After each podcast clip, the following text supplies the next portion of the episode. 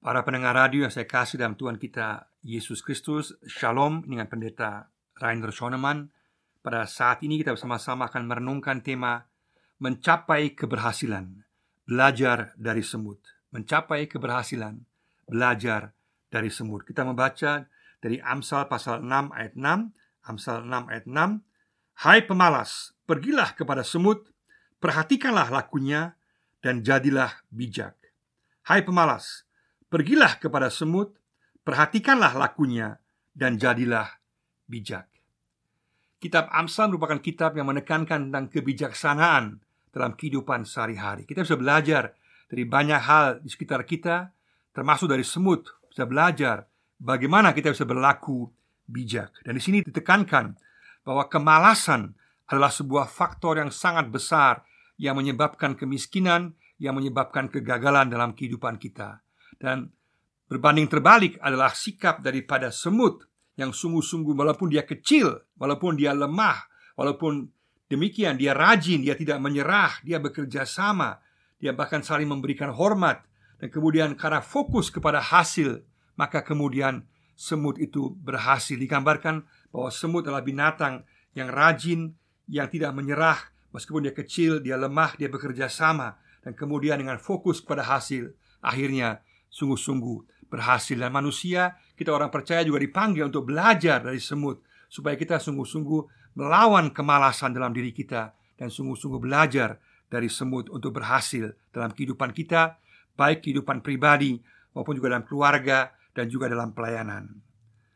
Plato pernah mengatakan kemenangan yang pertama dan yang terbaik adalah menaklukkan diri sendiri. Kemenangan yang pertama dan yang terbaik adalah menaklukkan diri sendiri.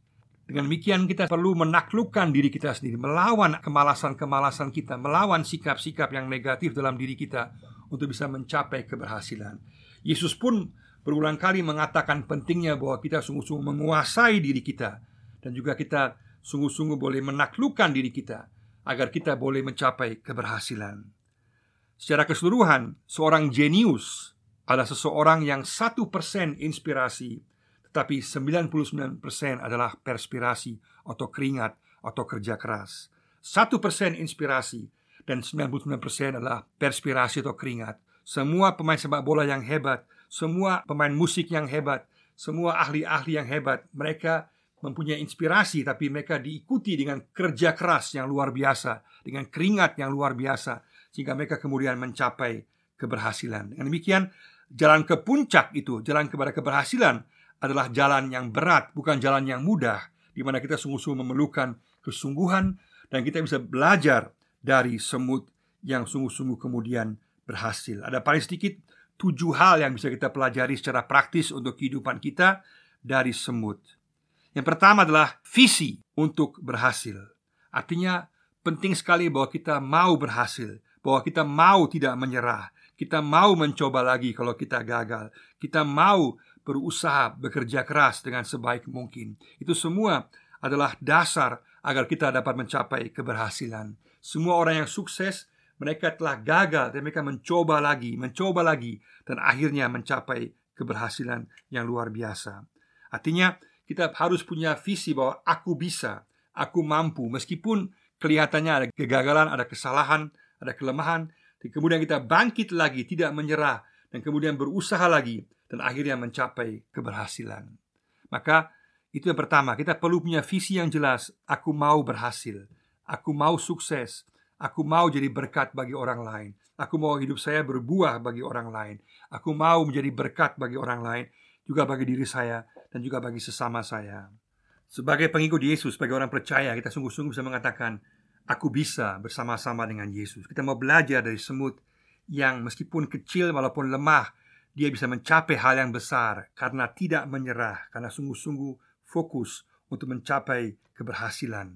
Dan dengan kekuatan Tuhan, bersama dengan Tuhan, kita akan dapat mencapai tujuan. Kita akan berhasil dalam kehidupan kita. Yang kedua adalah membuat prioritas dalam hidup, membuat prioritas dalam hidup sangat penting bahwa kita lihat bahwa semut pun juga dia menekankan hal yang utama, mengerjakan hal-hal yang utama. Kita pun juga dipanggil untuk mengerjakan hal-hal yang utama, fokus kepada perencanaan, kepada hal-hal yang penting dalam kehidupan kita.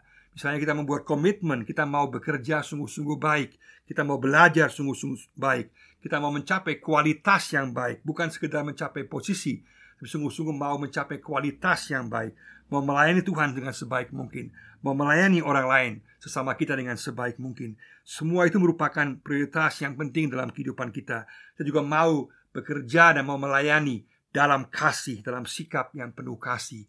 Semua ini penting. Kita membuat prioritas, membuat skala kepentingan dalam kehidupan kita sehingga kita tidak terjebak dengan hal-hal sampingan yang kurang penting. Kita sungguh-sungguh fokus kepada apa yang penting dalam kehidupan kita, nilai-nilai ilahi dan sekaligus nilai-nilai yang dapat membawa kita mencapai keberhasilan dalam kehidupan sehari-hari kita, dalam pekerjaan kita, dalam usaha kita, dalam studi kita, dalam keluarga kita, dalam semua hal. Kita sungguh-sungguh membuat skala prioritas dalam kehidupan kita yang dapat mencapai tujuan dan keberhasilan.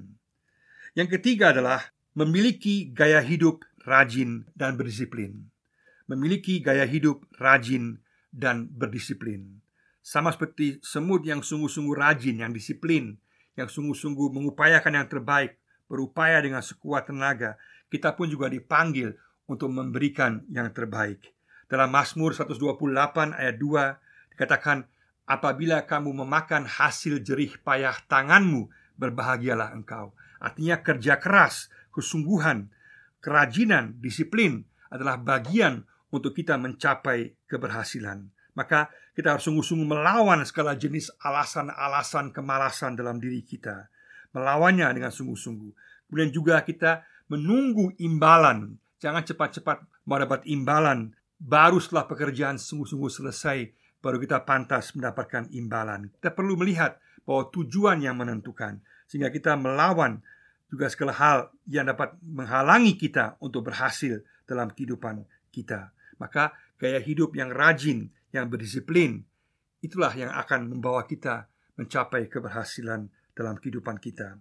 Yang keempat secara singkat di sini yaitu fokus pada hasil akhir.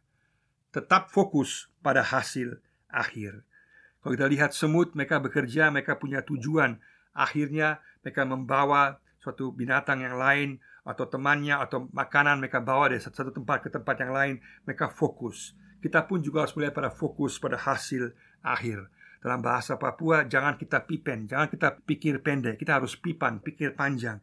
Lihat bahwa semua hal yang kita lakukan ini mempunyai tujuan dan pada saat kita mencapai tujuan akhir, maka kita akan berhasil. Maka jangan sampai kita membuat jalpot, jalan potong atau membuat jalan pintas. Jangan, kita harus sungguh-sungguh melihat hasil akhir dengan mencapai kualitas yang baik dengan kesungguhan yang baik. Maka dengan demikian kita fokus pada hasil akhir itu akan membuat kita berhasil. Nah, pada saat kita fokus pada hasil ah, pada hasil akhir, kita pun kalau kita membuat kesalahan, kegagalan, kita tidak menyerah, tapi kita bangkit lagi.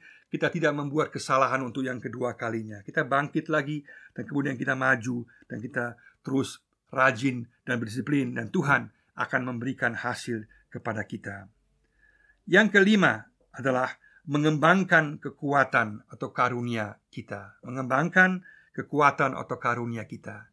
Kalau kita mau berhasil, kita harus mengembangkan kekuatan kita. Karunia kita di mana? Kita boleh kembangkan terus, belajar terus, memajukannya terus. Kita fokus pada kekuatan kita, jangan fokus pada kelemahan kita. Jangan fokus kepada apa yang kita inginkan yang di luar jangkauan kita, tapi kita sungguh-sungguh fokus kepada apa yang Tuhan telah berikan kepada kita, kemampuan apa? Sehingga kita fokus pada kekuatan kita, pada karunia kita. Dan dengan cara begitu kita dapat berhasil dalam kehidupan sehari-hari, dalam pekerjaan, dalam studi dan juga dalam pelayanan kita. Karena kita fokus kepada kekuatan, kepada karunia yang Tuhan telah percayakan kepada kita. Yang keenam adalah bekerja sama. Kita lihat bekerja sama semut pun mereka bekerja sama karena mereka bekerja sama mereka bisa mencapai hasil yang luar biasa karena mereka bekerja sama, bukan sendiri-sendiri, tapi sungguh-sungguh bekerja sama. Dan bekerja sama ini juga berarti bahwa kita juga mau bertanya kepada orang lain, mau belajar dari orang lain, mau juga melibatkan orang lain untuk mencapai keberhasilan bersama-sama dengan tujuan yang sama. Tapi pada saat yang sama, pada saat ada orang yang menghalangi tujuan kita, yang tidak mau bekerja sama, maka kita harus meninggalkan orang itu karena dia akan menghalangi kita menggagalkan tujuan akhir kita. Pada saat saya mengamati semut, saya perhatikan pernah ada semut, ada empat semut mereka mengangkat teman semut yang lain. Dan mereka tak putar, tak putar sendiri, putar-putar sendiri karena ada satu semut yang rupanya dia keras kepala, dia tidak mau mengikuti yang lain. Akhirnya baru setelah satu semut itu pergi, tinggal tiga semut sisa, tiga semut itu kemudian membawa semut itu, makanan itu kepada sarangnya karena mereka mempunyai tujuan yang jelas dan mereka telah menyingkirkan temannya yang satu yang menghalangi mereka. Maka kita pun juga harus tahu pada saat yang tepat kita juga harus menyingkirkan atau meninggalkan orang yang tidak mau bekerja sama karena akan membawa kepada kita kegagalan dan tidak membawa keberhasilan bagi kita. Maka bekerja sama sangat penting. Sekaligus juga sangat penting melihat sejauh mana orang mau bekerja sama, sejauh mana orang mau mencapai tujuan yang sama bersama-sama dengan kita. Supaya jangan sampai kita digagalkan oleh orang lain. Tapi bekerja sama adalah sangat penting. Sendiri jelas kita akan alami kesulitan, tapi bersama-sama dengan dukungan orang lain kita akan mencapai keberhasilan bersama-sama. Dan yang terakhir yang ketujuh, menghormati dan juga memperhatikan yang lain. Menghormati dan memperhatikan orang lain. Kalau kita lihat misalnya semut, mereka sungguh-sungguh memberikan hormat pada saat lewat, mereka menghormati, mereka sepertinya sopan, mereka memperhatikan yang lain, mereka tidak egois, mereka perhatikan yang lain. Ini juga berarti bahwa kita pun kalau mau sukses, kita bukan sukses dengan segala cara, bukan sukses dengan kita menekan atau menindas orang lain. Kita sukses dengan cara yang baik, dengan cara kita menunjukkan menghormati orang lain, memperhatikan orang lain, mempedulikan orang lain, sehingga orang lain juga mengalami berkat dan juga mengalami kemajuan bersama-sama dengan kita. Artinya, kita bukan mencapai sukses dengan segala cara, dan dengan cara yang negatif, tapi dengan cara yang positif. Kita belajar dari semut, mereka sukses karena mereka bersama-sama menghormati, mempedulikan, memperhatikan satu dengan yang lain. Mari sama-sama kita belajar dari semut untuk mencapai keberhasilan dengan sungguh-sungguh fokus kepada visi kita bahwa kita bisa dan kita tidak mau menyerah, kita mau mencapai keberhasilan bersama-sama dengan Tuhan. Kita sungguh-sungguh mau membuat prioritas dalam kehidupan kita, melihat apa yang penting, fokus kepada hal-hal yang penting. Kita mau menjadikan hidup kita memiliki gaya hidup yang rajin dan disiplin. Rajin dan disiplin bekerja keras, mengupayakan yang terbaik dalam kehidupan kita. Kita juga melawan segala jenis kemalasan, segala jenis alasan-alasan yang membuat kita akhirnya gagal. Terfokus pada hasil akhir. Pada saat kita gagal, kita tidak menyerah. Karena banyak orang yang berhasil, mereka gagal sebelumnya. Tapi kemudian mereka berhasil karena mereka tidak menyerah. Mereka lihat pada fokus pada hasil akhir. Kita mau mengembangkan kekuatan kita. Kita bukan fokus pada apa yang tidak kita miliki, tapi fokus pada kekuatan, pada karunia yang kita miliki. Kita kembangkan, kita belajar dan membuat yang terbaik dari kekuatan karunia kita. Kita juga mau bekerja sama sungguh-sungguh. Kita mau mendengar masukan orang lain, mendengar nasihat orang lain, juga ditolong oleh orang lain. Sekaligus juga pada saat orang lain tidak mau bekerja sama menghalangi kita, kita juga bisa meninggalkan orang tersebut supaya jangan tujuan akhir kita digagalkan karena kerjasama yang salah. Dan kita juga mau menghormati, peduli, memperhatikan orang lain. Kita mau berhasil dengan cara menghormati orang lain. Kita mau berhasil dengan cara peduli orang lain, memperhatikan orang lain, bukan berhasil dengan segala cara. Mari sama-sama kita mencapai keberhasilan. Kita belajar dari semut yang meskipun kecil dan lemah, tapi rajin, tidak menyerah, bekerja sama, mencapai hal-hal yang besar dengan memberikan perhatian hormat kepada orang lain, berhasil karena bekerja sama. Mari sama-sama kita mencapai keberhasilan dan belajar dari semut. Katakan Tuhan, bersama Tuhan aku bisa. Bersama Tuhan aku dapat mencapai tujuan yang Tuhan telah berikan kepada saya. Aku akan berhasil bersama-sama dengan Tuhan. Karena Tuhan memberkati kita semua. Amin.